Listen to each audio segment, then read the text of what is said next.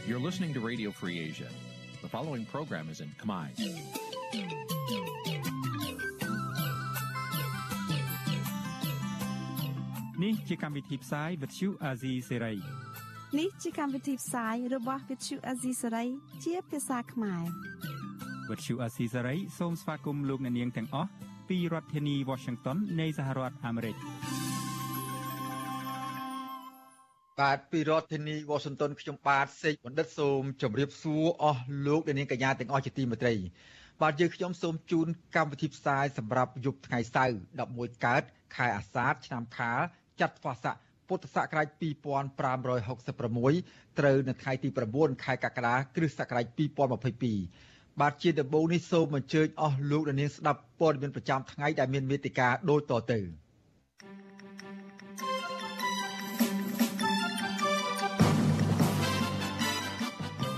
យុវជនខ្មែរថាវរៈកោសក់កាន់ទុកនិងទៀមទារោគយុទ្ធធរជូតបណ្ឌិតកែមលីតុលាការក៏ហៅប្រជាពលរដ្ឋសហគមន៍បឹងតមុកមកតាក់មកសុំមកសាកសួរជុំវិញរឿងញុះញង់និងរារាំងព្រះមហាក្សត្រអំពាវនាវឲ្យបញ្ឈប់សកម្មភាពកាប់បំផ្លាញព្រៃឈើ យុវជនខ្មែរក្រោមស្នើឲ្យអ្នកជំនាញសិទ្ធិមនុស្សជនជាតិដើមទៅពិនិត្យស្នាមស្ថានភាពរំលោភសិទ្ធិមនុស្សនៅខ្មែរក្រោមនៅវៀតណាមរួមនឹងព័ត៌មានសំខាន់សំខាន់មួយចំនួនទៀត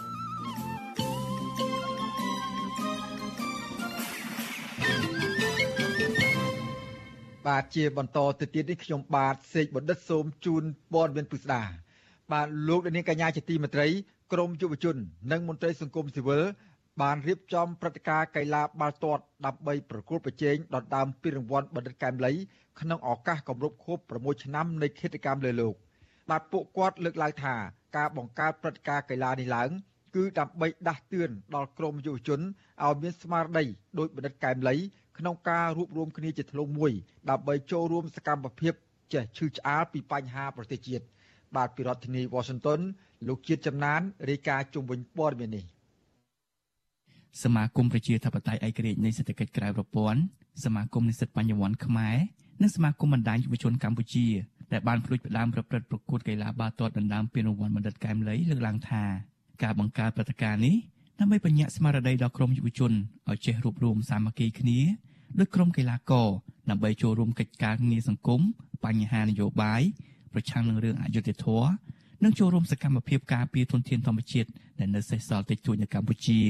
ប្រធានសមាគមប្រជាធិបតេយ្យឯករាជ្យនៃសេដ្ឋកិច្ចក្រៅប្រព័ន្ធលោកវ៉ុនពៅប្រាប់វិទ្យុអេស៊ីសរ៉ៃនៅថ្ងៃទី9ខែកក្កដាថាការប្រកួតកីឡាបាល់ទាត់នេះគឺជាការផ្សារភ្ជាប់ក្រុមយុវជនឲ្យមានស្មារតីជានិយមដោយបណ្ឌិតកែមលីដែរបន្ថែមពីនេះលោកថាការបង្កើតព្រឹត្តិការណ៍កីឡាបាល់ទាត់ក៏ជាសារមួយសម្រាប់ដាស់តឿនដល់ក្រុមយុវជនឲ្យត្រង់ត្រាប់តាមគំរូវីរភាពរបស់បណ្ឌិតកែមលីតាមរយៈការសិក្សាទ្រឹស្ដីរបស់លោកបណ្ឌិតផងដែរ។ យើងចង់ផ្ដាំផ្ញើទៅដល់យុវជននៅទ្រឹស្ដីសំខាន់សំខាន់មួយចំនួនរបស់លោកបណ្ឌិតដូចជាការជូតភ្នែកធ្វើដំណើរទៅមុខទៀតហើយលោកបណ្ឌិតចង់ដាក់ទឿនក្រានរំលឹកយុវជនមួយទៀតដែលនិយាយថាត្រីដែលហែលស្របទឹកហែលបដោយទឹកគឺជាត្រីងាប់មានន័យថាអ្នកដែលមិនខ្វាយខ្វល់ពីសង្គមអ្នកដែលមិនបានមើលឃើញនូវភាពអយុត្តិធម៌សង្គមមានន័យថាហាក់ដូចជាមនុស្សស្លាប់ទាំងរស់មានន័យស្លាប់សតិសម្បញ្ញៈស្លាប់គំនិតទាំងអស់មិនបានគិតប្រយោជន៍សង្គមបានគិតជាតិតាក់ទងតាំងពីរឿងព្រំដែនរឿងបរិស្ថានរឿងបញ្ហាធនធានធម្មជាតិនិងការរំលោភសិទ្ធិមនុស្សផ្សេងផ្សេងផងដែរយុវជនខ្មែរទាំងអស់ក្រោកឈរឡើងមិនអាចដោយឲ្យអ្នកដឹកនាំឬអ្នកណាម្នាក់ក្រុមណាមួយបំផ្លាញស្រុកបំផ្លាញទេរំលោភសិទ្ធិប្រព្រឹត្តអំពើអយុត្តិធម៌ដល់សង្គមស្រដៀងគ្នានេះប្រធានសមាគមនិស្សិតបញ្ញវន្តខ្មែរលោកកាលសរាយលើកឡើងថាការប្រកួតកីឡាបាល់ទាត់នេះគឺជាការបង្ហាញសាមគ្គីភាពរវាងក្រុមយុវជននិងមន្ត្រីអង្គការសង្គមស៊ីវិលព្រមទាំងមានការសម្ដែងមតិទៅកាន់រដ្ឋាភិបាលឲ្យវែកមុខរកឃាតករពិតប្រាកដដើម្បីផ្ដល់យុត្តិធម៌ដល់ក្រុមគ្រួសារនិងវិញ្ញាណក្ខន្ធបណ្ឌិតកែមលីផងដែរ។ហើយកីឡាបាល់ទាត់នេះក៏ជាកីឡាមួយដែលបង្ហាញអំពីសាមគ្គីភាពថាលេងជាលក្ខណៈក្រុមដូច្នេះតើតាមានការសាមគ្គីគ្នាល្អទើបអាចជោគជ័យអាទាំងអស់នេះយើងចង់បង្រៀនយុវជនឲ្យយកកីឡាជាតួយ៉ាងនៅក្នុងការសាមគ្គីគ្នាហើយក៏ដូចជាចង់បង្រៀនពួកគាត់ឲ្យអាចចេះចូលរួមតស៊ូមតិក្នុងការចូលរួមលុបបំបាត់នៅអំពើអយុត្តិធម៌អំពើពុករលួយឬក៏ក្នុងការការផ្លាស់ប្ដូរនៅផ្នត់គំនិតឬក៏សង្គមណាមួយតាមរយៈការទាត់បាល់នេះផងដែរទន្ទឹមគ្នានេះប្រធានបណ្ដាញយុវជនកម្ពុជាលោកអ៊ុលវ៉ាន់ឲ្យដឹងថាការលើកយកព្រឹត្តិការណ៍កីឡាបាល់ទាត់ក្នុងឱកាសខួប6ឆ្នាំនៃគិតកម្មលើបណ្ឌិតកែមលីគឺក្រមយុវជននិងសង្គមស៊ីវិលចង់ផ្សព្វផ្សាយទស្សនៈទានលោកបណ្ឌិតសម្រាប់ឲ្យសាធារណជនទូទៅនិងក្រុមកីឡាករដទៃទៀតត្រូវចេះងាកមកជឿឆ្អាលបញ្ហាប្រទេសជាតិ លោកបន្តថាវិស័យកីឡានេះក៏ជាការភ្ជាប់សន្តិភាពសេរីភាព សាមគ្គីភាព និងយុត្តិធម៌ក្នុងសង្គមដូច្នេះលោកថាក្រមយុវជន គួរតែចេះសាមគ្គីភាពគ្នាចាប់ពីថ្ងៃនេះតទៅដើម្បីចូលរួមផ្លាស់ប្ដូរប្រទេសជាតិឲ្យមានសេរីភាពនិងសន្តិភាពពិតប្រាកដជាពិសេសយើងយកឱកាសនេះដើម្បីបញ្ជ្រាបនៅគោលគំនិតនៅក្នុងការចូលរួមចំណែកការតស៊ូលះបង់ពេលវេលាក៏ដូចជាធនធានផ្ទាល់ខ្លួនសម្បីតែអាយុជីវិតរបស់យើងនឹងដើម្បីធ្វើកិច្ចការងារសង្គមតាមបែបអហិង្សាសកម្មអញ្ចឹងកម្មវិធីនេះមែនតើយើងជាសកម្មភាពកីឡាប៉ុន្តែយើងផ្សារភ្ជាប់ជាមួយនឹងការរំលឹកសារពាក់ព័ន្ធទៅនឹងសេរីភាពពាក់ព័ន្ធទៅនឹងប្រជាធិបតេយ្យពាក់ព័ន្ធទៅនឹងការចូលរួមនៅក្នុងការអភិវឌ្ឍសង្គមតាមបែបប្រជាធិបតេយ្យដោយអហិង្សាជាដើមការប្រកួតកីឡាបាល់ទាត់ដណ្ដើមពានរង្វាន់បណ្ឌិតកែមលីនេះក្រុមសង្គមស៊ីវិលនិងក្រុមយុវជនបានធ្វើឡើងនៅក្នុងកីឡាដ្ឋានមួយកន្លែងក្នុងរាជធានីភ្នំពេញដោយចែកចេញជាពីរក្រុម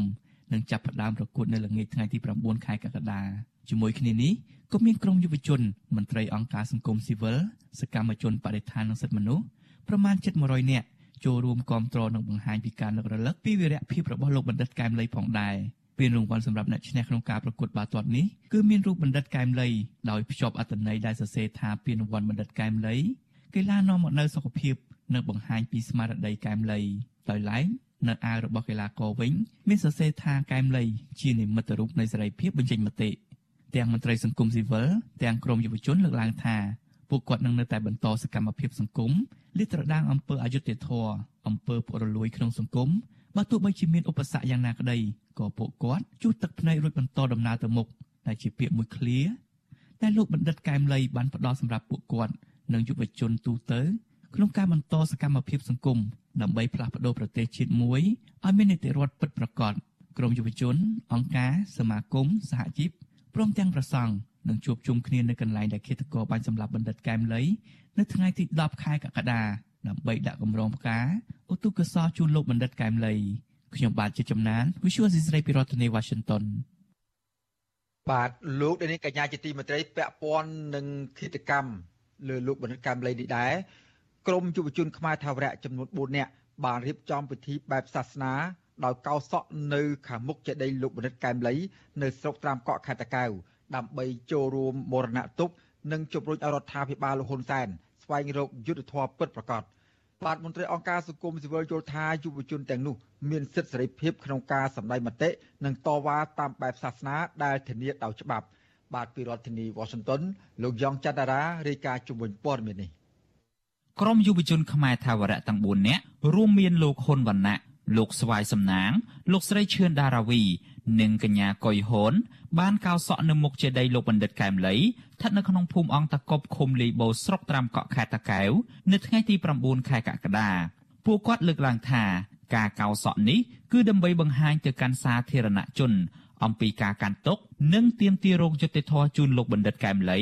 និងក្រុមគ្រួសាររបស់លោកដែលរហូតមកទល់នឹងពេលនេះពួកគាត់មិនទាន់បានទទួលយុត្តិធម៌នៅឡើយទេ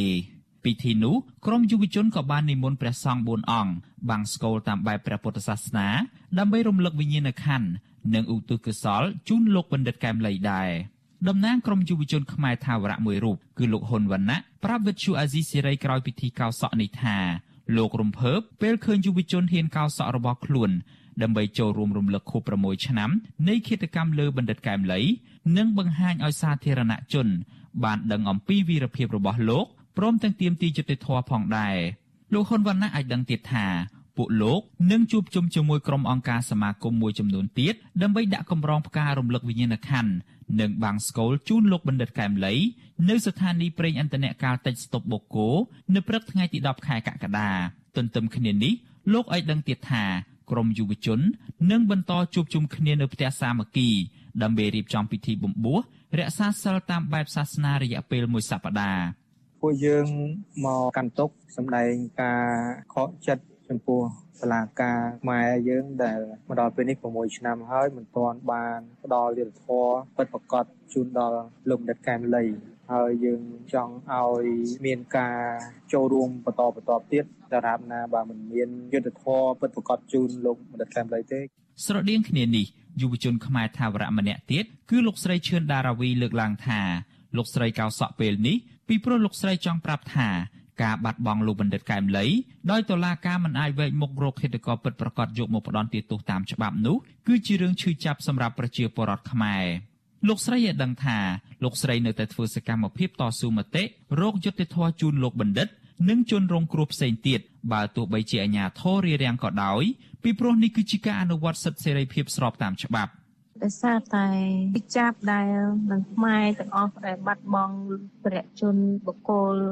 គំរូម្នាក់ហើយជាចាប់ដែលតឡាការមិនអាចវេកមុខឃាតករពិតបានត្រង់នឹងដែលជាហេតុធ្វើឲ្យពួកខ្ញុំនឹងកោសក់តកតងរឿងនេះវិទ្យុអាស៊ីសេរីមិនអាចសុំការឆ្លើយតបពីប្រធានអង្គភិបអ្នកណែនាំពាក្យរដ្ឋាភិបាលលោកផៃស៊ីផានបានទេ នៅថ្ងៃទី9ខែកក្កដា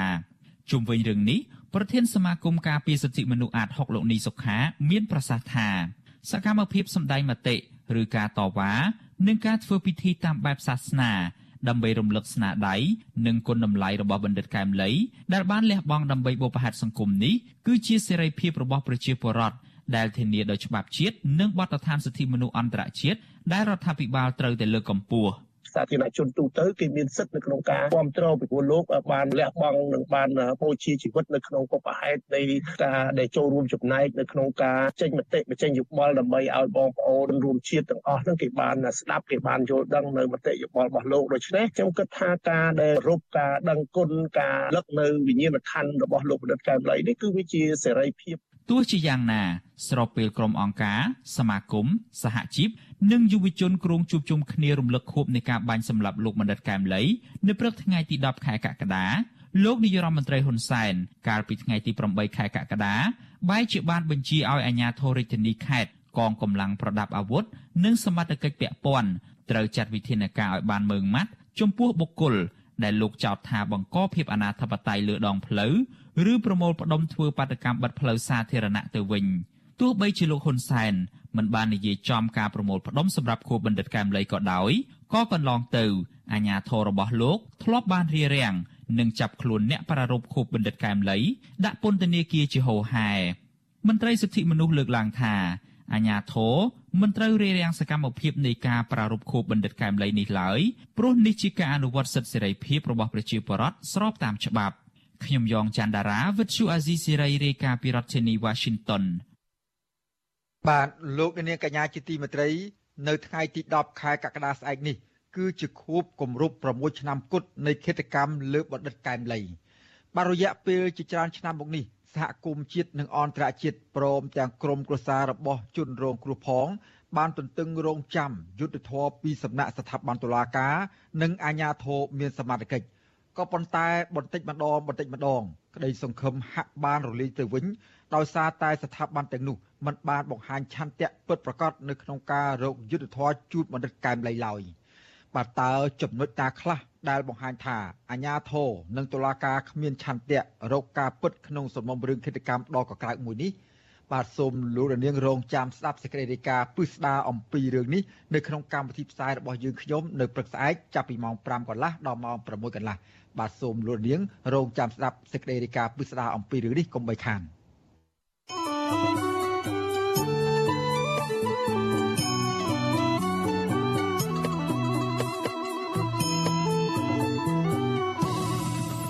បាទលោកនាងកញ្ញាជាទីមេត្រីបណ្ឌិតកែមលីដែលជាពលរដ្ឋ ទទួលស្គាល់ថាជាអ្នកវិភាគពីបញ្ហានយោបាយនិងសង្គមឥតសំចៃមាត់តែងតែលាតត្រដាងអាចកំបាំងមួយចំនួន ដែលរដ្ឋាភិបាលលោកហ៊ុនសែនបានប្រព្រឹត្តឡើងបាទលោកបណ្ឌិតកែមលីជំរុញឲ្យប្រជាពលរដ្ឋនិងបញ្ញវន្តងើបឈរឡើងដើម្បីសេរីភាពរបស់ខ្លួនបាទសូមលោកនាងរងចាំស្ដាប់សេចក្តីរាយការណ៍ពិស្ដារអំពីរឿងនេះហើយនឹងសម្រង់ ប្រសាសន៍សំខាន់សំខាន់ព្រមទាំងទស្សនៈទានរបស់លោកបណ្ឌិតកែមលីពាក់ព័ន្ធនឹងបញ្ហាសង្គមដែលនឹងដកស្រង់មុខជម្រាបជូនលោកនាងនៅពេលបន្តិចទៀតនេះបាទសូមអរគុណបាទលោកនាងកញ្ញាជាទីមេត្រីពាក់ព័ន្ធនឹងស្ថានភាពការរំលោភសិទ្ធិមនុស្សនៅកម្ពុជាក្រោមវិញម្ដង បាទសហព័ន្ធខ្មែរកម្ពុជាក្រោមបានបង្ហាញបានបញ្ជូនយុវតីខ្មែរកម្ពុជាក្រោមម្នាក់ ជាតំណាងទៅចូលរួមនៅក្នុងសន្និសីទមួយនៅឯអង្គការសហប្រជាជាតិផ្នែកសិទ្ធិមនុស្សនៅទីក្រុងហ្សឺណែវស្ដីអំពីសិទ្ធិជនជាតិដើមវគ្គទី15នៃយន្តការអ្នកជំនាញស្ដីពីសិទ្ធិសេរីភាពជនជាតិដើមបាទសិទ្ធិនេះធ្វើឡើងនៅបាទសន្និសីទនេះធ្វើឡើងនៅមុនកិច្ចប្រជុំពេញអង្គរបស់ក្រមប្រឹក្សាសិទ្ធិមនុស្សអង្គការសហប្រជាជាតិផ្នែកសិទ្ធិមនុស្សនៅចុងឆ្នាំ2022នេះដើម្បីទទួលយករបាយការណ៍ស្ដីពីបញ្ហាសិទ្ធិមនុស្សនិងសុ ននិងសិទ្ធិជនជាតិដើមរបស់អ្នកជំនាញសិទ្ធិជនជាតិដើមបាទលោកលាននឹងបានស្ដាប់បទសម្ភាសជុំវិញបញ្ហានេះដោយយើងនឹងអញ្ជើញវាគ្មិនមួយរូបមកសម្ភាសអំពីបញ្ហានេះជូនលោកលាននៅពេលបន្តិចទៀតបាទសូមអរគុណ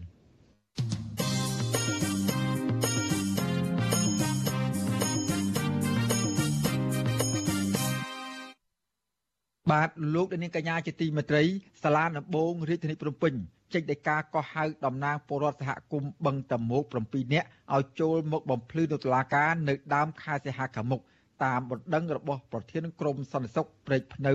ដែលប្តឹងពួកគេពីបទញុះញង់និងរារាំង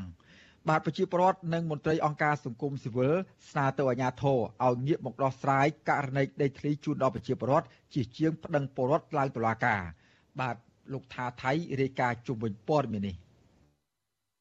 តំណាងពលរដ្ឋសហគមន៍បឹងតាមុកលើកឡើងថាក្រមពលរដ្ឋមិនបានប្រព្រឹត្តខុសដោយការចាត់ប្រកាសនោះទេហើយពួកគាត់នឹងចូលបំភ្លឺនៅតុលាការតាមដីកាកោះនិងស្នើទៅក្រុមអង្គការសង្គមស៊ីវិលជួយតាមដានករណីនេះផង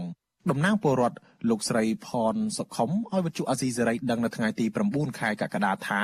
ការទៀមទារបស់លោកស្រីនិងពលរដ្ឋផ្សេងទៀតរឿងដីធ្លីកន្លងមកមិនមែនជាបទល្មើសដោយក្រុមអាជ្ញាធរខណ្ឌប្តឹងនោះទេទោះជាយ៉ាងណាលោកស្រីក៏មានការព្រួយបារម្ភថាអាញាធរយកបណ្ដឹងនេះដើម្បីបន្លាចប្រជាពលរដ្ឋមិនឲ្យចេញទៀមទីរោគដំណោះស្រាយដីធ្លីរបស់ខ្លួនតទៅទៀតខ្ញុំការពីដំណើរថាខ្ញុំរស់នៅ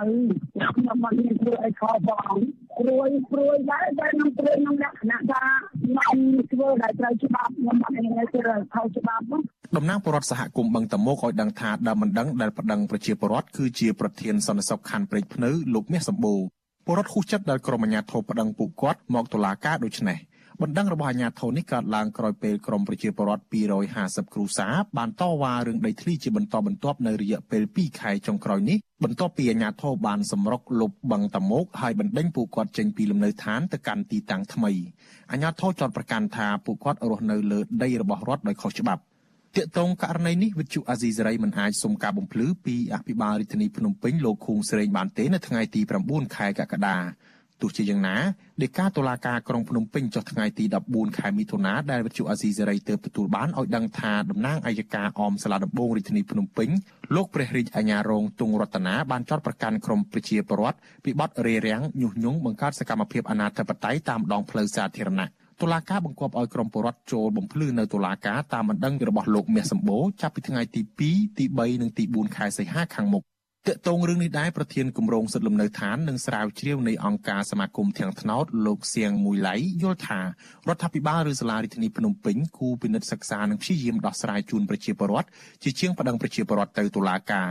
លោកលើកឡើងដូចនេះក្រោយសង្កេតឃើញថាអាជ្ញាធរឬរដ្ឋាភិបាលហាក់ចាត់ចែងដីតំបន់បឹងតមុកមិនស្មើភាពគ្នារវាងអ្នកមាននិងអ្នកក្រ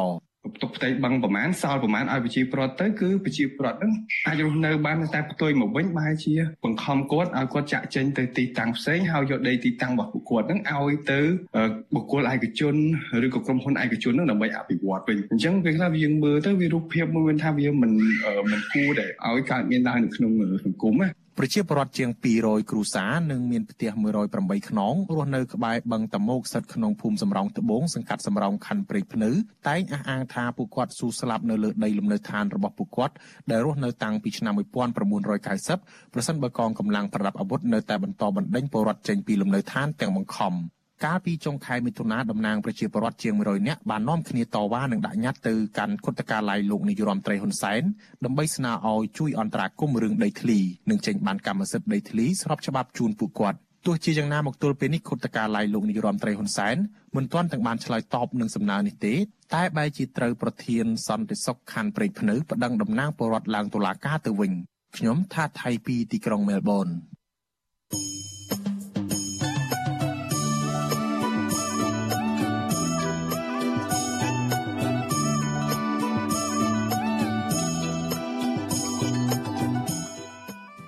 លោកនាងកញ្ញាជាទីមេត្រីលោកនាងកំពុងតាមដានស្ដាប់ការផ្សាយរបស់វិទ្យុអសីសេរីពីរដ្ឋធានីវ៉ាស៊ីនតោនសហរដ្ឋអាមេរិកបាទក្រៅពីលោកនាងតាមដានស្ដាប់ការផ្សាយរបស់យើងខ្ញុំតាមបណ្ដាញសង្គម Facebook និង YouTube នោះលោកនាងក៏អាចស្ដាប់ការផ្សាយរបស់យើងខ្ញុំតាមរយៈការផ្សាយតាមវិទ្យុរលកធាតុអាកាសខ្លីឬ Shortwave ដែលមានកម្រិតនិងកម្ពស់ដូចតទៅនេះបាទពេលព្រឹកចាប់ពីម៉ោង5កន្លះដល់ម៉ោង6កន្លះតាមរយៈរលកធាតុអាកាសខ្លី12100 50 kHz ស្មើនឹងកម្ពស់ 25m និង13715 kHz ស្មើនឹងកម្ពស់ 22m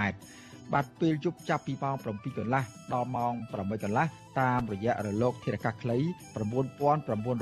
kHz ស្មើនឹងកម្ពស់ 30m 12140 kHz ស្មើនឹងកម្ពស់ 25m និង11885 kHz ស្មើនឹងកម្ពស់ 25m បាទសូមបាទ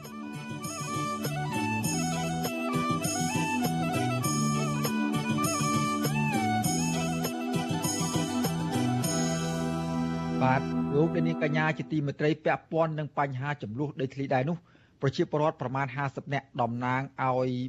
308គ្រួសារនិងដីជាង11127ហិកតាដែលជន់រងគ្រោះដីធ្លីអំពីគម្រោងរបស់ក្រុមហ៊ុនពលិយន្តហោះថ្មីនៅខេត្តកណ្ដាលបានដាក់ញត្តិសុំអន្តរាគមន៍ពីលោកហ៊ុនម៉ាណែតជាបេក្ខជននាយករដ្ឋមន្ត្រីរបស់គណៈបកកណ្ដាលអំណាច និងជាកូនប្រុសរបស់លោកនាយករដ្ឋមន្ត្រីហ៊ុនសែន បាទសង្គមស៊ីវិលយល់ថាលោកហ៊ុនម៉ាណែតគួរតែចេញមុខដោះស្រាយវិវាទដីធ្លីរបស់ប្រជាពលរដ្ឋឲ្យបានសមរម្យតាមសំណើគណៈដែលគាត់ជាបេក្ខជននាយករដ្ឋមន្ត្រី ចង់បានការគ្រប់គ្រងពីប្រជាពលរដ្ឋបាទពីរដ្ឋធានីវ៉ាស៊ីនតោនអ្នកស្រីម៉ៅសុធីនីរាយការណ៍ជុំវិញព័ត៌មាននេះ បរដ្ឋប្រមាណ50នាក់តំណាងឲ្យបរដ្ឋ308គ្រួសារនិងដី127ហិកតាសុទ្ធតែជាដីមានប្លង់រឹងនៅព្រឹកថ្ងៃទី9ខែកក្កដានេះបានមកដល់មុខផ្ទះលោកហ៊ុនម៉ាណែតដើម្បីសុំកិច្ចអន្តរាគមន៍ជួយរកដំណោះស្រាយជូនពួកគាត់បរដ្ឋថាពួកគាត់បានដាក់ញត្តិតាមស្ថានទូតនានានិងតាមស្ថាប័នរដ្ឋជាច្រើនក៏ប៉ុន្តែនៅមិនទាន់បានទទួលដំណោះស្រាយណាមួយនៅឡើយ។ ពួកគាត់ថាសំណងរបស់ក្រុមហ៊ុន ដែលសងមកពួកគាត់តម្លៃក្នុង1ម៉ែត្រក្រឡា8ដុល្លារនោះបរដ្ឋថាมันអាចទទួលយកបានឡើយគឺមិនសមាមាត្រទៅនឹងតម្លៃនៅលើទីផ្សារបច្ចុប្បន្នដីធ្លីបរដ្ឋដែលកំពុងរងផលប៉ះពាល់នោះគឺស្ថិតនៅក្នុងតំបន់ពលានយន្តហោះភ្នំពេញថ្មីក្នុងស្រុកកណ្ដាលស្ទឹងខេត្តកណ្ដាល បរដ្ឋរងគ្រោះនៅពលានយន្តហោះភ្នំពេញថ្មីលោកស្រីសែមអយប្រាប់បច្ចុប្បន្នស៊ីស្រីថាតម្លៃដែលក្រុមហ៊ុនសងមកប្រជាបរដ្ឋនោះគឺមានតម្លៃទាបក្នុង1ម៉ែត្រការ៉េតម្លៃ8ដុល្លារហើយដែលតម្លៃនេះពួកគាត់មិនអាចទទួលយកបានឡើយដោយសារតែដីនៅកន្លែងផ្សេងគឺថ្លៃជាង។ លោកស្រីស្នើដល់លោកហ៊ុនម៉ាណែតឲ្យជួយពំនាំទុកកង្វល់របស់ពួកគាត់ទៅជូនលោកនាយករដ្ឋមន្ត្រីឲ្យបានជាផងនិងសូមឲ្យលោកហ៊ុនសែនជួយដោះស្រាយវិបត្តិដីធ្លីពួកគាត់ផងលោកស្រីថាអស់រយៈពេល4ឆ្នាំមកហើយនេះពួកគាត់មិនបានអាស្រ័យផលពីដីនេះហើយអាជ្ញាធរហាមឃាត់សូម្បីតែចូលមើលក៏មិនបានផងសប្តាហ៍នេះពួកគាត់រកប្រាក់ឲ្យកូនរៀនមិនគ្រប់ហើយជីវភាពគ្រួសារខ្វះមុខខ្វះក្រោយថែមទៀត។ ចាស្ថានភាពនៅនៅគឺដីដែលចូលពលានมันអាចទៅបកបកាន់ផលបានទេសូម្បីតែចូលមិនឲ្យចូលផងចាគ្រួសារខ្ញុំផ្ទាល់គឺខ្ញុំមានដីតែប៉ុណ្ណឹងចូលពលានហ្នឹងចាមានអាតិចតិចហ្នឹងចាអត់មានច្រើនទេ 8 A 7 A 8 A លូតពោះខ្ញុំមានដីសង្ឃឹមក្នុងចិត្តថាអាចអាដាមនឹងជួយដោះស្រាយឲ្យខ្ញុំ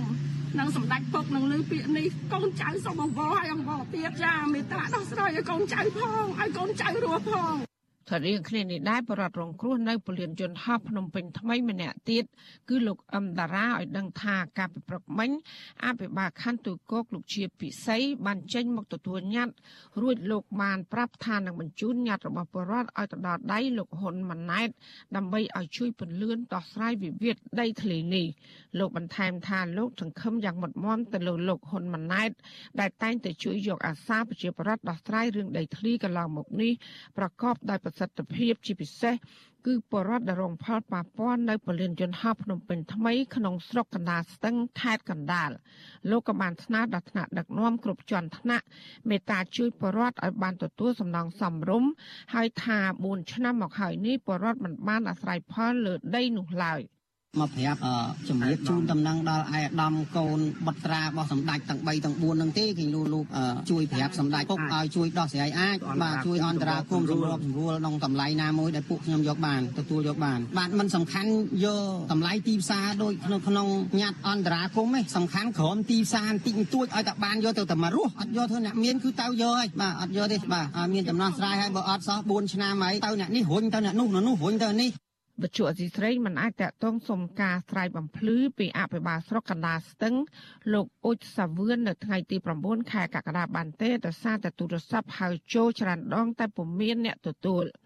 ជុំវិញបញ្ហានេះអ្នកសម្របសម្រួលគម្រោងធុរកិច្ចនិងសិទ្ធិមនុស្សនៃមជ្ឈមណ្ឌលសិទ្ធិមនុស្សកម្ពុជាលោកវ៉ាន់សុផាត លើកឡើងថាចំពោះទំនាស់ដីធ្លីរបស់ពលរដ្ឋដែលស្ថិតក្នុងគម្រោងពលានយន្តហោះភ្នំពេញថ្មីនោះគឺដោយសារតែពួកគាត់អស់ជំរឿ ហើយបានដាក់ញត្តិគ្រប់ស្ថាប័នថែមទាំងស្ថានទូតទៀតផងក៏ប៉ុន្តែមិនឃើញលទ្ធផលអាស្រ័យនេះហើយទើបបរដ្ឋសម្រាប់ចិត្តនាំគ្នាមកដាក់ញត្តិនៅមុខផ្ទះលោកហ៊ុនម៉ាណែតវិញលោករំពឹងថាលោកហ៊ុនម៉ាណែតនឹងជួយរកយុត្តិធម៌ជូនដល់ប្រជាពលរដ្ឋ បន្ថែមពីនេះលោកចង់ឲ្យមានការរកច្រកចេញជូនដល់បរដ្ឋឲ្យបានល្អព្រោះថាតាំងពីមានសង្គ្រាមរវាងរុស្ស៊ីនិងអ៊ុយក្រែនមកទំនិញរាងថ្លៃគ្រប់មុខហើយណាមួយវិបត្តិ COVID-19 ក៏ចាប់ផ្ដើមរាលដាលទៀតដែលបរដ្ឋជួបផលលំបាកជាខ្លាំងក្នុងជីវភាពប្រចាំថ្ងៃ។ គួរឲ្យនៃអាណិតពួកគាត់ណាមានន័យថាពួកគាត់អត់ជំរឿអញ្ចឹងហើយមានតែព្យាយាមទៅរកអ្នកដែលមានអធិបុលអ្នកដែលអាចនិយាយដើម្បីបញ្ចុះបញ្ចូលប្រមុខរដ្ឋាភិបាលឲ្យលោកមានការនៃគិតគូរម្ដងទៀតចំពោះការដោះស្រាយនេះព្រោះពលានយន្តហោះនេះវាទៅជានៃការនៃហ៊ុនគ្នារវាងរដ្ឋហើយនិងក្រុមហ៊ុន OCIC គិតមកដល់ពេលនេះវិបត្តិដីធ្លីរវាងប្រជាប្រដ្ឋនិងក្រុមហ៊ុនគម្រោងសាងសង់ប្រលានយន្តហោះភ្នំពេញថ្មី មានរយៈពេល4ឆ្នាំមកហើយ កាលពីថ្ងៃទី3ខែមិថុនាឆ្នាំ2020រដ្ឋាភិបាលបានចេញអនុក្រឹត្យក្នុងការកាត់ដីរដ្ឋចំនួន2600ហិកតា ដែលគ្របដណ្ដប់លើខេត្ត2គឺខេត្តកណ្ដាលនិងខេត្តតាកែវប្រគល់ឲ្យក្រុមហ៊ុនវិនិយោគអាកាសយានដ្ឋានកម្ពុជាហៅកាត់ថា CAIC ដែលចូលហ៊ុនជាមួយសាជីវកម្មក្រៅប្រទេស និងលេខាធិការដ្ឋានអាកាសចរស៊ីវិលក្នុងការពង្រីកប្រលានយន្តហោះអន្តរជាតិភ្នំពេញថ្មី អង្គការសង្គមស៊ីវិល31ស្ថាប័នកាលពីថ្ងៃទី21ខែកញ្ញាឆ្នាំ2021បានចេញសេចក្តីថ្លែងការណ៍ស្នើដល់ក្រសួងពាក់ព័ន្ធទាំងអស់សូមផ្ដល់សំណងឲ្យបានត្រឹមត្រូវជូនដល់ប្រជាពលរដ្ឋដែលរងគ្រោះដីធ្លីដោយសារតែការសាងសង់ពលានយន្តហោះភ្នំពេញថ្មីនេះហើយធ្វើយ៉ាងណាដើម្បីជៀសផុតពីកិច្ចព្រមព្រៀងណាមួយ ដែលមានលក្ខណៈគៀបសង្កត់លើម្ចាស់កម្មសិទ្ធិដីធ្លី។ ចានាងខ្ញុំម៉ៃសុធានីវិទ្យុអាស៊ីសេរីប្រធានាធិបតី Washington បាទលោកដានាងកញ្ញាជាទីមេត្រីលោកដានាងកំពុងតាមដានស្ដាប់ការផ្សាយរបស់វិទ្យុអស៊ីសេរីផ្សាយផ្ទាល់ពីរដ្ឋធានី Washington សហរដ្ឋអាមេរិកបាទអ្នកខ្លោមមើលសង្គមនិងមន្ត្រីគណៈបកប្រឆាំងរិះគន់រដ្ឋាភិបាលហ៊ុនសែនថាដែលយកថវិកានៃការបរិច្ចាគពីមហាជន ក្នុងការបោសសម្បត្តិមីន មកដល់មកដាក់ឈ្មោះរបស់លោកហ៊ុនសែនថាជាទង្វើគួរឲ្យខ្មាស់អៀននិងអស់សំណើចបាទការលើកឡើងបែបនេះក្រោយពីរដ្ឋាភិបាលហ៊ុនសែនបានយកលុយជាង15លានដុល្លារដែលបានមកពីការបរិច្ចាគរបស់ក្រមឈ្មួញនិងពលរដ្ឋសម្រាប់បោសសម្បត្តិមីនដាក់ឈ្មោះថា ជាគម្រោងសម្ដេចតេជោសម្រាប់សកម្មភាពមីនបាទពីរដ្ឋធានីវ៉ាស៊ីនតោនលោកយុនសមៀនរាយការណ៍ជុំវិញព័ត៌មាននេះ អ្នកខ្លំមើលសង្គមនិងមន្ត្រីគណៈបកប្រឆាំងបារម្ភថាការដែលលោកហ៊ុនសែនយកឈ្មោះរបស់ខ្លួនដាក់ក្នុងគម្រោងបោះសម្អាតមីនពេលនេះនឹងធ្វើឲ្យមហាជនដែលចង់ចូលរួមផ្ដល់ថវិកាឬរែកចិត្តលែងបរិច្ចាគលុយរបស់ខ្លួនតទៅទៀតពួកគេជំរុញទៅលោកហ៊ុនសែនគួរប្រើប្រាស់លុយបានពីការបរិច្ចាគរបស់មហាជនឲ្យមានប្រសិទ្ធភាព និងចំគោលដៅ ប្រធានក្រុមប្រឹក្សាឃ្លាំមើលកម្ពុជានៅប្រទេសណ័រវេសលោកម៉ែនណារិះគន់ថាលោកហ៊ុនសែនជាមេដឹកនាំដែលចូលចិត្តយករបស់គេមកធ្វើជារបស់ខ្លួនដោយគ្មានការខ្មាស់អៀនលោកសង្កេតឃើញថាកម្ពុជាមានមជ្ឈមណ្ឌលសកម្មភាពកម្ចាត់មីនកម្ពុជាហៅកាត់ថាស៊ីម៉ាក់រួចហើយដែលជាអង្គភាពបោះសម្អាតមីន ដូច្នេះយកល្អលោកហ៊ុនសែនគួរបញ្ជូនថវិកានេះទៅឲ្យអង្គភាពនេះឲ្យគេបន្តធ្វើការងារដោយមិនចាំបាច់បង្កើតគម្រោងថ្មីនោះទេអញ្ចឹងមនុស្សប្រភេទមេដឹកនាំរបៀបហ្នឹងគឺមេដឹកនាំអត់បានការអីទេដឹកនាំប្រទេសក៏គ្មានបានទីចម្រើនអីយើងឃើញការដឹកនាំរបស់គាត់ច្រើនឆ្នាំមកនេះគឺអញ្ចឹងព្រោះដឹងដឹងតែមួយដឹងដឹងតែចូលដឹងតែចំណេញសម្រាប់ផលប្រយោជន៍គ្រួសារខ្លួនឯងខ្លួនឯងផ្ទាល់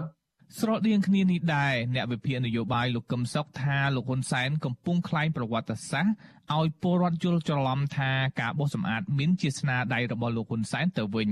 លោកថានេះមិនមែនជាលើកទី1ទេដែលលោកហ៊ុនសែនទទួលផលចំណេញពីការធ្វើនំអត់ម្សៅបែបនេះព្រោះកន្លងមកលោកហ៊ុនសែនបានយកលុយរបស់រដ្ឋទៅសាងសង់សាលារៀនផ្លូវថ្នល់ និងមន្ទីរពេទ្យដោយដាក់ឈ្មោះរបស់ខ្លួន។ បំណងរបស់គាត់គឺបែបហ្នឹងគឺក្នុងកាលៈទេសៈដែលលោកហ៊ុនសែនចង់ពន្លិចឈ្មោះរបស់គាត់ឲ្យឃើញគម្រោងអ្វីក៏មានឈ្មោះដៃជោផែនការអ្វីក៏មានឈ្មោះដៃជោការរកស៊ីធំដុំបែបណាមួយ ក្នុងវិស័យទេសចរអាកាសចរស៊ីវិលអីក៏មានឈ្មោះដៃ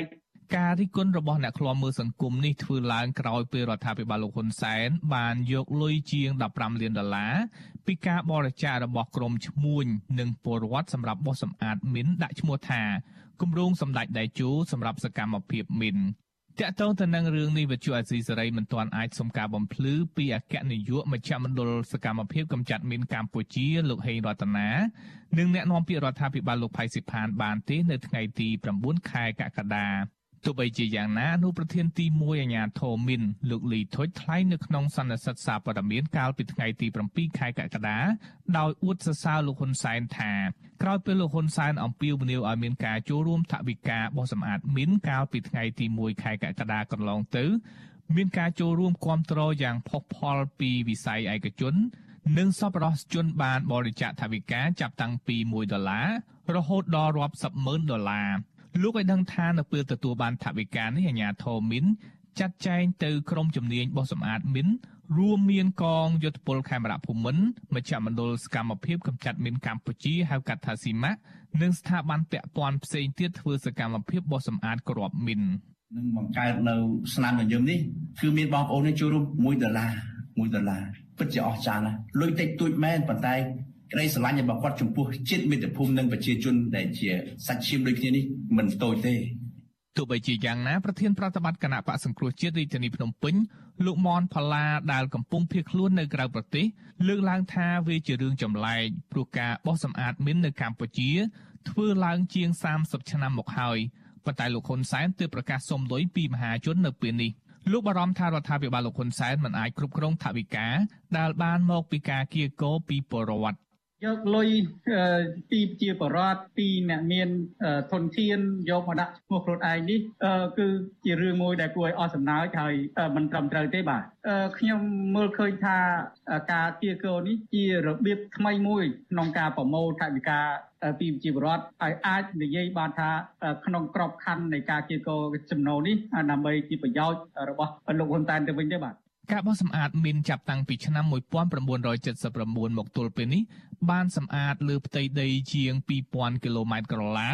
គឺធំជាងរាជធានីភ្នំពេញ3ដងហើយដីភាគច្រើនផ្ដល់ឲ្យពលរដ្ឋធ្វើកសិកម្មគ្រាប់មានបោះសម្អាតរួមមានគ្រាប់មានប្រឆាំងរថក្រោះរកឃើញជាង20000គ្រាប់គ្រាប់មានប្រឆាំងមនុស្សរកឃើញជាង1លានគ្រាប់និងសំណល់ជាតិផ្ទុះនានារកឃើញជាង3លានគ្រាប់ កម្ពុជាត្រូវការលុយជាង90លានដុល្លារទៀតសម្រាប់បោះសម្អាតគ្រាប់សេះសល់នៅលើផ្ទៃដីជិត2000គីឡូម៉ែត្រក្រឡាទៀតខ្ញុំយុនសាមៀនវិទ្យុអាស៊ីសេរីប្រធានាធិបតី Washington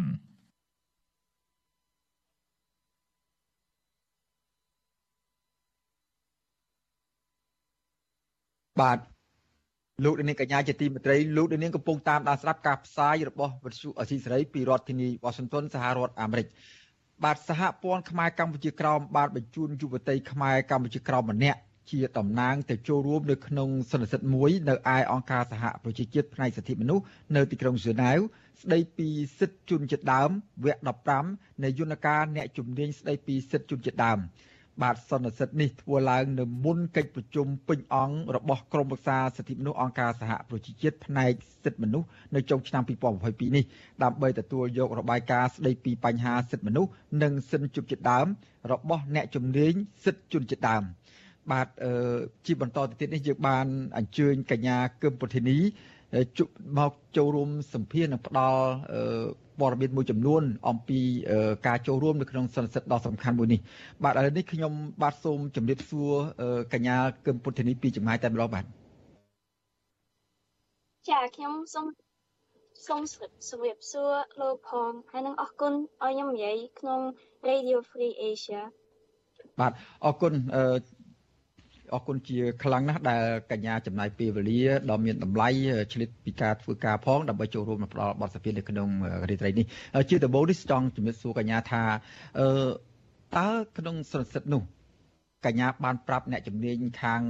សិទ្ធិជនជាតិដើមនោះយ៉ាងដូចម្តេចខ្លះអំពីស្ថានភាពការរំលោភសិទ្ធិមនុស្សនៅដែនដីកម្ពុជាក្រោមនោះបាទសូមជឿចាអរគុណលោកអឺ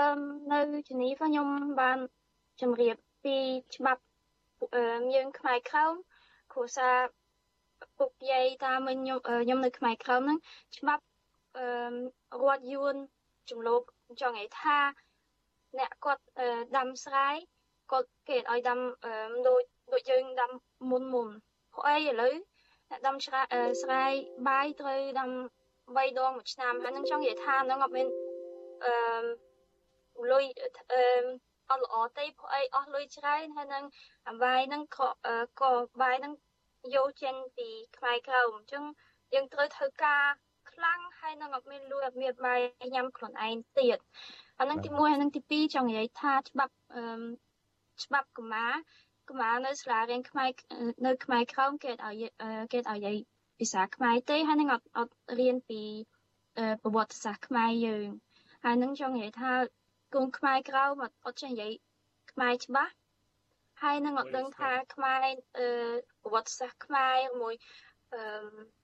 ពុទ្ធសាសន៍ខ្មែរមិនដែរអញ្ចឹងអានឹងល្អទេព្រោះអីយើងខ្មែរក្រមត្រូវដឹងថាប្រវត្តិសាស្ត្រខ្មែរយើងហើយនឹងត្រូវដឹងថាយើងខ្មែរមិនដែរបាទអឺកញ្ញាទោះបីជាមានការរឹតបន្តឹង សិទ្ធិសេរីភាពមិនអោយពលរដ្ឋខ្មែរកម្ពុជាក្រោមនឹងរៀនសូត្រអក្សរខ្មែរយល់ដឹងអំពីសាសនាបព្វធម៌មិនអោយមានការប្រកបរបរអាជីវកម្មដូចជាធ្វើស្រែធ្វើចម្ការជាដើមនោះក៏ប៉ុន្តែឃើញកញ្ញាយ៉ាងណាក៏ដោយចំមានការសិក្សាស្វែងយល់បានទទួលចំណេះដឹងរហូតចេញមកសិក្សានៅក្រៅប្រទេសហើយមកចូលរួមសិទ្ធិសិទ្ធិដ៏សំខាន់ដ៏ធំខ្នាតអន្តរជាតិនៅក្រៅប្រទេសទៀតផងតើកញ្ញាអាចចែករំលែកបទពិសោធន៍ទៅក្នុងថាកើ កញ្ញាបានដឹងអំពីការរំលោភសិទ្ធិមនុស្សនៅដែនដីកម្ពុជាក្រោមយ៉ាងដូចម្ដេចហើយកញ្ញាធ្វើម៉េចបានអាចមានឱកាសបានរៀនសូត្រមានទទួលបានចំណេះដឹងក្របបាយយ៉ាងដូចនេះបាទចាអឺមកនឹងមកពីខ្ញុំឥឡូវ នៅហូឡង់នៅស្រុកហូឡង់ហើយនៅស្រុកហូឡង់នេះគេបរៀនយើងច្រើនគេបរៀនយើងពីប្រវត្តិសាស្ត្រអឺអេសៀប្រវត្តិសាស្ត្រខ្មែរប្រវត្តិសាស្ត្រចិនថៃទាំងអស់ហ្នឹងហើយនឹងទី2ប៉ាម៉ាក់ខ្ញុំគាត់ណែនាំប្រាប់ខ្ញុំច្រើនហើយនឹងខ្ញុំសួរសំណួរគាត់ពីខ្មែរពីខ្មែរក្រោមហើយនឹងមិនក៏ខ្មែរគេបែកទៅខ្មែរលើខ្មែរក្តៅខ្មែរក្រោមប៉ាម៉ាក់ខ្ញុំគាត់បរៀនខ្ញុំច្រើនហើយនឹងអញ្ចឹងខ្ញុំចាប់អារម្មណ៍ព្រោះអីខ្ញុំ អឺអត់យល់មិនក៏ស្រកអឺស្រកខ្មែរយើងបែកជា3ហើយឥឡូវខ្ញុំកំពុងតែរៀនច្បាប់រៀនច្បាប់ពីសិទ្ធិមនុស្សសិទ្ធិកុំក្មេងសិទ្ធិទាំងអស់ហើយនឹងខ្ញុំចង់ឲ្យសិទ្ធិអឺសិទ្ធិដូចខ្ញុំមានហ្នឹងសិទ្ធិនិយាយពីទាំងអស់ហ្នឹងខ្ញុំចង់ឲ្យគាត់នៅខ្មែរក្រៅមានដែរឲ្យគាត់និយាយពីរឿងគាត់ខ្លួនឯងនឹងនឹងកុំឲ្យគាត់ខ្លាចខ្លាចប៉ូលីសចាប់គាត់ខ្លាចរត់យួនចាប់គាត់ហើយនឹង កុំឲ្យគេសង្កត់គាត់ហ្នឹងណាកុំឲ្យគេសង្កត់សិទ្ធិគាត់អឺអញ្ចឹងខ្ញុំខំប្រឹងឲ្យគាត់នៅខ្មែរក្រោមឲ្យគាត់មានសិទ្ធិដូចគ្នាដូចខ្ញុំមានសិទ្ធិសេរីភាពនិយាយពីទាំងអស់ហើយនឹងឥឡូវខ្ញុំពងតែរៀននិយាយខ្មែរព្រោះខ្មែរខ្ញុំអត់អត់ល្អដូចគាត់នៅខ្មែរទេហើយនឹងខ្ញុំចង់រៀនភាសាខ្មែររៀនសរសេររៀនអានឲ្យអឺព្រោះខ្ញុំចង់ឲ្យខ្ញុំចង់ជួយអ្នក ខ្មែរបកប្រែ document បកខ្មែរបកប្រែกระดาษពីអង់គ្លេសទៅខ្មែរឲ្យខ្ញុំចង់ជួយខ្ញុំចង់ជួយខ្លាំងខ្ញុំខំប្រឹងបាទអរគុណចំពោះការខិតខំប្រឹងប្រែងយ៉ាងដូចនេះទោះបីជាមានការលំបាកយ៉ាងណាក៏ដោយក៏កញ្ញានៅមិនភ្លេចនៅការភាសាជាតិដើមកំណត់ខ្លួនឯងឡើយអឺ ពាក់ព័ន្ធនឹងការចូលរួមនៅក្នុងអង្គសន្និសីទស្តីអំពីសិទ្ធិជនជាតិដើមវិញនៅពេលដែលកញ្ញារៀបរាប់អំពីស្ថានភាពការរំលោភសិទ្ធិមនុស្សគ្រប់បែបយ៉ាងនៅក្នុងដែនដីកម្ពុជាក្រោមទៅមហាអង្គសន្និបាតនោះសន្និសីទនោះតើអ្នកចូលរួមទាំងឡាយនោះគេផ្ដោតទៅលើការរៀបរាប់កញ្ញាស្ដីអំពីបញ្ហានេះយ៉ាងដូចម្តេចដែរបាទនៅក្នុងអង្គសន្និសីទនោះហើយកញ្ញាសង្ឃឹមថា សន្និសីទនេះនឹងជួយអ្វីខ្លះដល់ខ្មែរនៅកម្ពុជាក្រោមឲ្យរួចផុតពីការរំលោភសិទ្ធិមនុស្សនិងសិទ្ធិរស់រានមានជីវិតតាមអ្វីជួនជាដើមនៅដែនដីកំណើតរបស់ខ្លួនបាទចាខ្ញុំចង់ឲ្យគាត់ជួយ ទៅទៅមើលសក់យើងទៅមើលអឺតឡាការទៅមើលសក់យើងមិនដែរទៅមើលទៅទៅសាលារៀនកូនក្មេងទៅមើលអ្នកកូនក្មេងនឹង អ្នកកុមារកូនក្មេងអាយុប៉ុខ្ញុំអាយុ20អីហ្នឹងអ្នកទៅរៀនហ្នឹងគេបរៀនមិនដែរអញ្ចឹងឲ្យអ្នក United Nations អ្នក expert ហ្នឹងទៅទៅទៅស្រុកយើងទៅមើលទៅមើលទាំងអស់ហ្នឹងណាហើយនឹងអឺឲ្យឲ្យគាត់ទៅមើលភ្នែកខ្លួនឯងមិនដែរព្រោះអីខ្ញុំនិយាយបានខ្ញុំនិយាយពីទាំងអស់បានតែ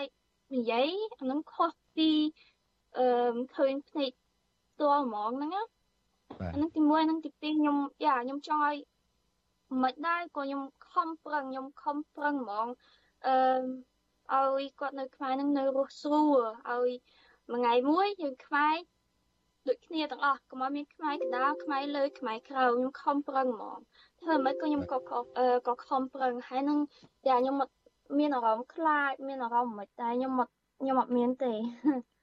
ហើយនឹងយ៉ាខ្ញុំ ខំរៀនឲ្យច្រើនខ្ញុំអានសភៅខ្មែរខ្ញុំមើលអឺខ្ញុំស្ដាប់ Radio Free Asia ដូចប៉ាខ្ញុំគាត់បរៀនខ្ញុំបាទអរគុណនៅពេលដែលកញ្ញារៀបរាប់អំពីបញ្ហាអស់ទាំងនេះតើអ្នកចូលរួមផ្សេងផ្សេងទៅគេចាប់អារម្មណ៍យ៉ាងម៉េចដែរចំពោះបញ្ហានិងការស្នើសុំរបស់កញ្ញានោះបាទអឺចាគាត់ចាប់អារម្មណ៍ថាគាត់គាត់អត់ដឹងដែរគាត់ដឹងថាយើងមានខ្មែរក្រោមប៉ុន្តែគាត់អត់ដឹងថា អឺបញ្ហាធំមិនដែរហ្នឹងណាអឺហើយនឹងពួកម៉ាក់ខ្ញុំគ្រូខ្ញុំនៅហូឡង់ក៏គាត់សួរសំណួរខ្ញុំច្រើនហើយគាត់ថាអូគាត់មិនដែរស្គាល់ផងនឹងថាបញ្ហានៅខ្មែរក្រោមធំប៉ុណ្ណឹងគាត់មិនដែរដឹងថាវាវានៅឆ្នាំ2022ហ្នឹងនៅនៅដូចគ្នាដែរនៅនៅអត់អត់ល្អដែរគាត់សួរខ្ញុំសំណួរច្រើនអញ្ចឹងខ្ញុំគិតថាពួកយើងធ្វើអញ្ចឹងល្អព្រោះអីឲ្យគេក្រៅអឺ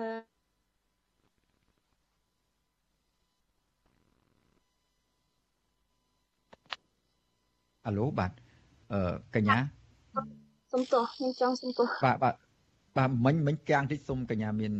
ប្រសាសន៍ម្ដងទៀតបន្តទៀតបាទសូមអធិស្ឋានចាខ្ញុំខ្ញុំចង់និយាយថាអឺពួកយើងទៅ United Nations នឹងនិយាយរឿងពីខ្មែរក្រោមអឺច្បាប់ខ្មែរក្រោមសិទ្ធិខ្មែរក្រោមហ្នឹងវាល្អព្រោះអីឲ្យគាត់នៅក្រៅនៅនៅក្រៅខ្មែរក្រោមហ្នឹងឲ្យចាប់អារម្មណ៍ថាឥឡូវឆ្នាំ2022ឥឡូវ យើងយើងដឹងច្រើនទាំងអស់ហើយមិនតែនៅតែព័ត៌មានព័ត៌មានពីខ្មែរក្រោមយើងរកអត់ឃើញទេនៅហូឡង់នេះបើបើរកព័ត៌មានពីខ្មែរក្រោមរកឃើញអញ្ចឹងខ្ញុំចង់ឲ្យអ្នកក្រៅពីខ្មែរក្រោមឲ្យឲ្យចាប់អារម្មណ៍ថាសិទ្ធិមនុស្សគេពងតែសកត់រហូត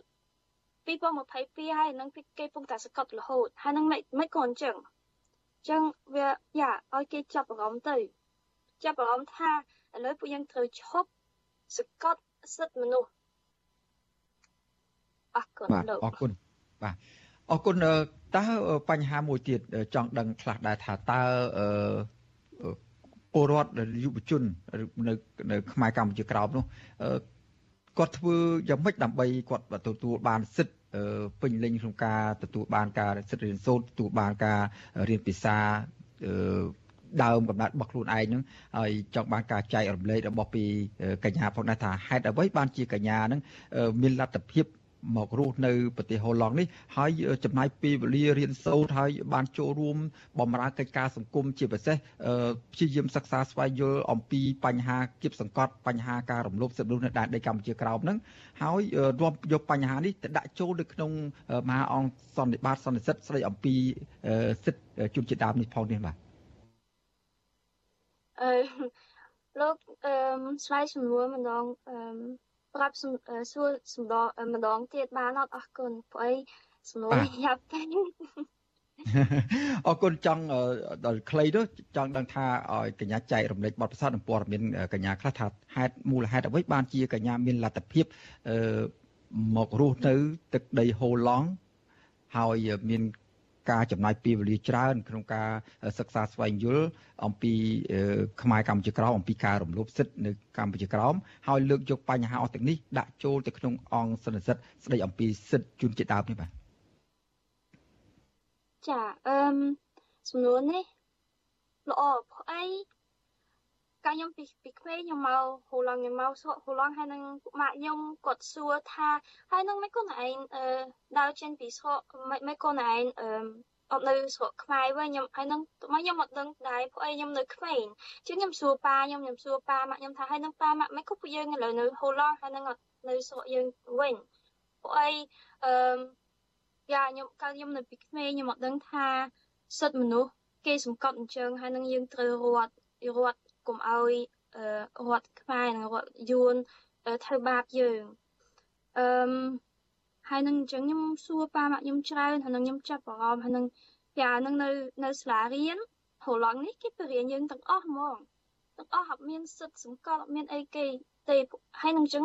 គេនិយាយពីខ្មែរហើយនឹងក៏និយាយគេគេនិយាយពីខ្មែរខ្ញុំគិតថាអើអញ្ចឹងបានយើងរត់អញ្ចឹងបានយើងត្រូវខ្លាចអឺ ចាសំណួរនេះខ្ញុំឆ្លើយល្អអត់ឬមួយខ្ញុំត្រូវឆ្លើយទៀតបាទអរគុណអរគុណតើនៅក្នុងពេលនេះដែរតើកញ្ញាមានបំណងថាផ្ញើសារទៅដល់ក្រមសិទ្ធិមនុស្សអង្គការសហប្រជាជាតិ ឲ្យជួយទៅដល់យុវជនខ្មែរក្រោមឲ្យមានសិទ្ធិរៀនសូត្រឲ្យមានសិទ្ធិស្វែងយល់អំពីចំណេះដឹងភាសាដើមកំណត់របស់ខ្លួនឯងយ៉ាងម៉េចទេបាទនៅក្នុងឱកាសដែលកញ្ញាបានចូលរួមនៅក្នុងសន្និសីទស្ដីអំពីសិទ្ធិជនជាតិដើមបាទខ្ញុំចង់ឲ្យគេជួយគេជួយយើងយ៉ាល្អហ្មងព្រោះអីនៅនៅស្រុកគេផ្សេងគេអឺក៏ ក្លាហានហើយនឹងនិយាយពីអឺសង្កត់សិទ្ធគេនៅស្រុកគេដែរហើយនឹងឥឡូវគេជាយោហ្មងហើយនឹងមួយថ្ងៃមួយក៏ខ្ញុំចង់ជាយោស្រុកខ្មែរក្រោមដែរជាយោឲ្យឲ្យយើងមានសិទ្ធកុំឲ្យមានសិទ្ធអឺយ៉ាឲ្យមានសិទ្ធសេរីភាពសិទ្ធសេរីភាពនិយាយសិទ្ធសេរីភាពរៀនប្រវត្តិសាស្ត្រយើងខ្មែរហើយនឹងកុំឲ្យខ្លាចកុំមានអារម្មណ៍ថាអឺគេសង្កត់យើង ឲ្យមួយថ្ងៃមួយយើងជ័យយកឲ្យមួយថ្ងៃមួយយើងសប្បាយចិត្តកុំឲ្យខ្លាចហើយនឹងខ្ញុំចង់ឲ្យសួរសុំ United Nations អឺឲ្យជួយយើង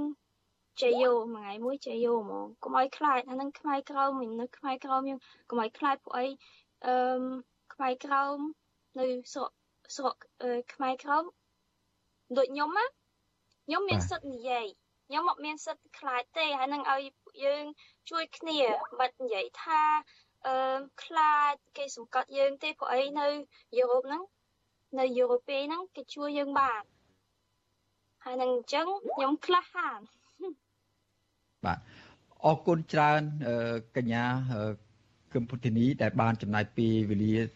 ដ៏មានតម្លៃផ្ដល់ចូលរួមផ្ដល់បទសម្ភាសអំពីបញ្ហាសិទ្ធិ កម្ពុជាក្រោមនិងស្ដីអំពីសន្និសីទស្ដីអំពីសិទ្ធិជនជាតិដើមដែលកំពុងប្រព្រឹត្តទៅនៅទីក្រុងស៊ីណាវនៅពេលនេះបាទសូមជម្រាបតែប៉ុណ្្នេះសិនបាទ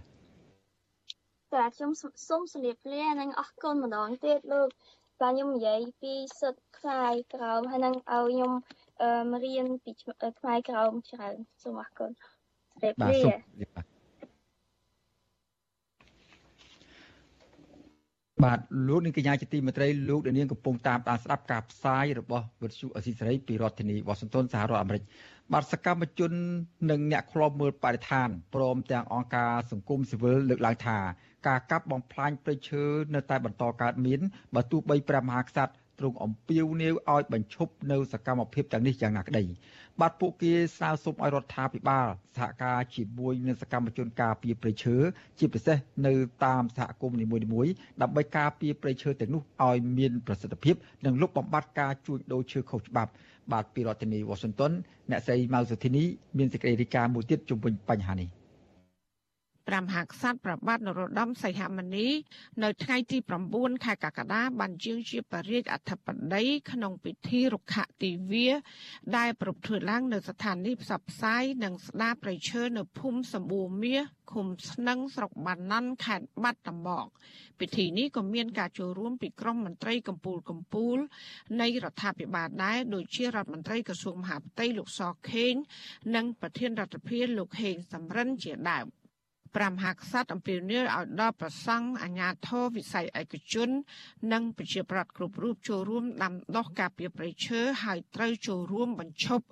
ការកាប់រានដីព្រៃនិងការកាប់ឈើខុសច្បាប់ព្រមទាំងការបរបាញ់សត្វគ្រប់រូបភាព ព្រះអង្គមានបរិយាបន្ទូលទៀតថាការដាំដើមឈើនិងរុក្ខជាតិគ្រប់ប្រភេទគឺជាការវិនិយោគបៃតងលើធម្មជាតិដែលផ្ដល់ពហុប្រយោជន៍សម្រាប់មនុស្សជាតិសត្វនិងភពផែនដី។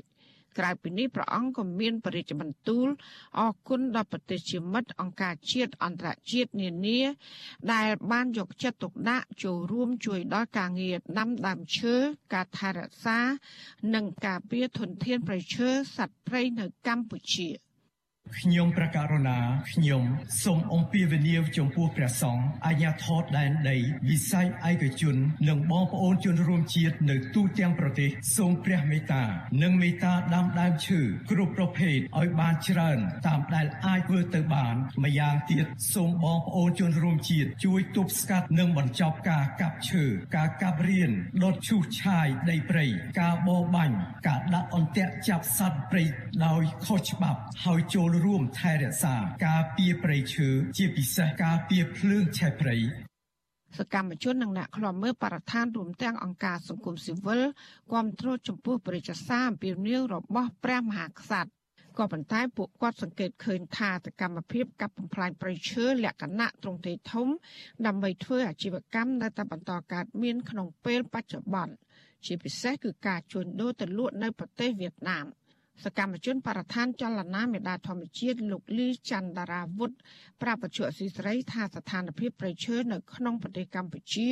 កំពុងទទួលរងគ្រោះខ្លាំងក្នុងរយៈពេលប្រមាណឆ្នាំចុងក្រោយនេះគឺតាមរយៈការកាប់បំផ្លាញជាប្រព័ន្ធដោយគ្មានការហាមឃាត់ពីអាជ្ញាធរ លោកបន្តថាភ្នាក់ច្រើនឈ្មោះរកស៊ីឈើខុសច្បាប់ទាំងនោះ តែងតែរួចខ្លួនពីសំណាញ់ច្បាប់បើទោះបីមានរបាយការណ៍ឬក៏ភស្តុតាង បង្ហាញថាពួកគេកំពុងបំផ្លាញធនធានធម្មជាតិលោកបន្ថែមថាការដាំដើមឈើនៅក្នុងថ្ងៃរុក្ខទិវាគឺมันអាចជួយសង្គ្រោះព្រៃឈើដែលបានបាត់បង់អស់រាប់ម៉ឺនហិកតាបាននោះឡើយ។ ផ្ទុយទៅវិញគឺមានតែរដ្ឋាភិបាលសហការជាមួយនឹងអង្គការសង្គមស៊ីវិលនិងធ្វើការឲ្យបានជិតស្និទ្ធជាមួយសកម្មជនការពារប្រៃឈើតែប៉ុណ្ណោះទើបអាចរក្សាប្រៃឈើដែលនៅសេសសល់នោះឲ្យបានគង់វង្ស ជាពិសេសហ្នឹងគឺបើកលំហសិទ្ធិសេរីភាពឲ្យប្រជាជននៅមូលដ្ឋានសហគមន៍នៅតាមតំបន់ព្រៃនីមួយៗហ្នឹងអាចចូលធ្វើការការពារព្រៃឈើឡើងវិញมันអាចតែរដ្ឋបတ်សិទ្ធិពួកគាត់ទេព្រោះឯកាលណាយើងមិនឲ្យគាត់ការពារព្រៃរបស់គាត់ហ្នឹងហើយគឺជាចល័តប្រហោងដែលឲ្យឈ្មួញហ្នឹងអាចរស់ស៊ីកັບបំផ្លាញព្រៃឈើបានយ៉ាងស្រួលដោយមានការប្រព្រឹត្តអំពើពុករលួយជាមួយនឹងមន្ត្រីមួយចំនួននៅមូលដ្ឋានហ្នឹងចំណែកអ្នកខ្លំមើលបរិស្ថានលោកសាន់ម៉ាឡាឲ្យដឹងដែរថាបាត់ល្មើសព្រៃឈើក្នុងប្រទេស នៅតែបន្តកើតមានព្រោះមានការសហការរវាងឈ្មួញរកស៊ីជាមួយនឹងមន្ត្រីធំធំព្រមទាំងអាជ្ញាធរនៅតាមមូលដ្ឋានលោកថាទោះបីមានការដាំដើមឈើនៅក្នុងថ្ងៃរុក្ខទិវាមានអត្តន័យជ្រាលជ្រៅយ៉ាងណាក្តីក៏មិនអាចសង្គ្រោះព្រៃឈើពីឈ្មួញ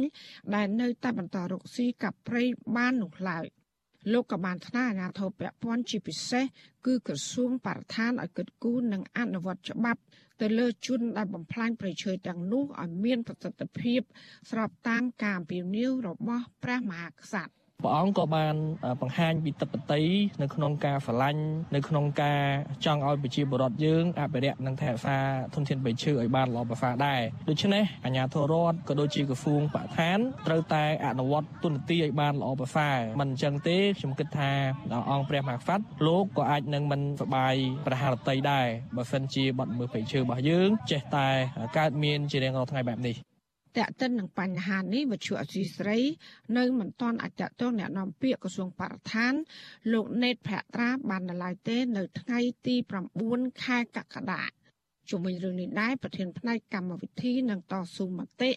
នៃសមាគមបណ្ដាញយុវជនកម្ពុជា លោកហេងកំហុងលើកឡើងថាអត្តន័យនៅក្នុងថ្ងៃរុក្ខទិវាគឺប្រាប់អភិជាប្រដ្ឋជាថារក្សាការពារនិងដាំដើមឈើកាន់តែច្រើន ក៏ប៉ុន្តែលោកថាការដាំកូនឈើដែលនៅតូចតូចបែបនេះពិតជាមិនអាចជំនួសគុណប្រយោជន៍ឈើធំធំ ដែលបានបាត់បង់នោះឡើយលោកជំរុញអរដ្ឋាភិបាលនិងអាជ្ញាធរពាក់ព័ន្ធត្រូវតែអនុវត្តច្បាប់ដែលមានត្រាប់ទៅលើឈ្មួញនិងអ្នកកាប់រុករានព្រៃខុសច្បាប់ទាំងនោះព្រមទាំងមានវិធានការការពារព្រៃឈើឲ្យមានប្រសិទ្ធភាពស្របតាមអត្តន័យថ្ងៃរុក្ខទិវា មួយដើមដូចគ្នាឧទាហរណ៍ថាបកាប់មួយដើមមាននឹងដាំមួយដើមដើមឈើមួយដើមដែលមានអាយុរាប់សិបឆ្នាំវាមានសមត្ថភាពស្រូបកាបូនរាប់សិបគីឡូឬក៏រាប់សិបតោនដើម្បីធានាបរិយាកាសស្អាតនៅលើភពផែនដីប៉ុន្តែផ្ទុយទៅវិញយើងដាំកូនឈើតូចមួយបាទអញ្ចឹងมันគ្រប់គ្រាន់ទេបាទការដាំកូនឈើជានិមិត្តរូបក៏ពិតមែនប៉ុន្តែគួរតែរក្សាធំដែរបាទរក្សាព្រៃឈើឲ្យគង់វង្សដែរទៅទៅជាមួយនឹងការកាប់បំផ្លាញព្រៃឈើនេះ របាយការណ៍របស់អ្នកខ្លំមើលប្រៃឈើរកឃើញ ថាក្រុមអង្គការមួយចំនួន ជាពិសេសឈ្មោះរកស៊ីឈើធំធំ និងជាមន្ត្រីជាន់ខ្ពស់រដ្ឋាភិបាល នៅតែបន្តរកស៊ីកាប់ឈើយ៉ាងសស្រាក់សស្រាំដដែលព្រមទាំងគ្មានចំណាត់ការច្បាប់ ពីអាជ្ញាធរមានសមត្ថកិច្ចនោះឡើយ។ អ្នកខ្លំមើលទាំងនោះថារដ្ឋាភិបាលផ្ទាល់តែម្ដង ដែលតែងតែចេញមុខការពារអ្នកជួញឈើខុសច្បាប់ របស់ក្រុមអង្គការនិងក្រុមហ៊ុនឯកជនទាំងនោះលើពីនេះទៀតពួកគេនៅតែឃើញមានអាជីវកម្មឈើខុសច្បាប់រីករាលដាលខ្លាំងជាង10ឆ្នាំចុងក្រោយនេះរហូតមកដល់ពេលនេះនៅមិនទាន់បញ្ឈប់នៅឡើយក្រោមពាក្យដីសម្បត្តិសេដ្ឋកិច្ច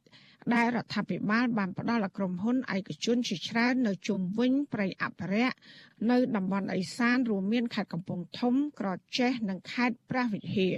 របាយការណ៍ថ្មីចុងក្រោយរបស់អង្គការលើកលែងទោសអន្តរជាតិ Amnesty International ក៏បានរកឃើញថាការកាប់ឈើខុសច្បាប់នៅក្នុងតំបន់ព្រៃការពារធម្មជាតិបង្កើតឲ្យមាន ជាការរំលោភសិទ្ធិមនុស្សនិងលុបបំបាត់ទំនៀមទម្លាប់ជនជាតិដើមភាគតិចទៅកម្ពុជា។ អង្គការដដែលក៏បានបញ្ជាក់ថានៅកម្ពុជា មានការកាប់បំផ្លាញព្រៃឈើខ្ពស់ជាងគេនៅលើពិភពលោក ក្នុងរយៈពេលប្រមាណទសវត្សរ៍ចុងក្រោយនេះ បណ្ដាលឲ្យបាត់បង់ព្រៃឈើប្រមាណជា64%នៃគម្របព្រៃឈើចាប់តាំងពីឆ្នាំ2011រហូតដល់បច្ចុប្បន្នក្នុងនោះគឺគម្របព្រៃឈើទំហំជាង6000ហិកតាដែលស្ថិតក្នុងដែនជម្រកសត្វព្រៃឡង់និងព្រៃប្រារកាត្រូវបានកាប់បំផ្លាញនៅក្នុងឆ្នាំ2021ចាននាងខ្ញុំម៉ៃសុធានីវັດឈូអាស៊ីស្រីប្រធានាធិបតី Washington បាទលោកនាងកញ្ញាជាទីមេត្រី បណ្ឌិតកែមលីដែលពលរដ្ឋស្គាល់ថាជាអ្នកវិភាគពីបញ្ហានយោបាយនិងសង្គមឥតសំចៃមាត់តែងតែលាតត្រដាងអាចកំបាំងមួយចំនួន ដែលរដ្ឋាភិបាលឬលោកហ៊ុនសែនលាក់កំបាំងនោះថាគណៈបកប្រជាជនកម្ពុជារបស់លោកហ៊ុនសែនធ្វើកំណែតម្រង់ប្រព័ន្ធដឹកនាំរដ្ឋមិនមែនចង់ឲ្យប្រទេសរីកចម្រើន និងប្រជាពលរដ្ឋមានសេចក្តីសុខនោះឡើយបាទបណ្ឌិតកែមលីបានវិភាគនៅពេលនោះថាលោកហ៊ុនសែនបានធ្វើទុកបុកម្នេញប្រជាពលរដ្ឋ គៀបសង្កត់និងបិទសិទ្ធិសេរីភាពនិងប្រើប្រាស់ស្ថាប័នរដ្ឋសំខាន់សំខាន់មួយចំនួនទៀតដើម្បីបំរើឲ្យមហិច្ឆតាអំណាចរបស់លោកនិងក្រុមគ្រួសារបាទបណ្ឌិតកែមលីជំរុញឲ្យប្រជាពលរដ្ឋនិងបញ្ញវន្តងើបឡើងដើម្បីសេរីភាពរបស់ខ្លួន បាទលោកលាននឹងបានស្ដាប់សេចក្តីរាយការណ៍ស្ដីអំពីសម្រងសម្ដីរបស់លោកបណ្ឌិតកែមលីដែលបានផ្ដល់បទសម្ភាសន៍ដល់អាស៊ីសេរីនៅមុនលោកស្លាប់ដែលនៅកម្មវិធីផ្សាយរបស់យើងនៅព្រឹក ស្អែកជាបន្តទៀតនៅចាប់ពីម៉ោង5កន្លះដល់ម៉ោង6កន្លះកុំបីខានបាទ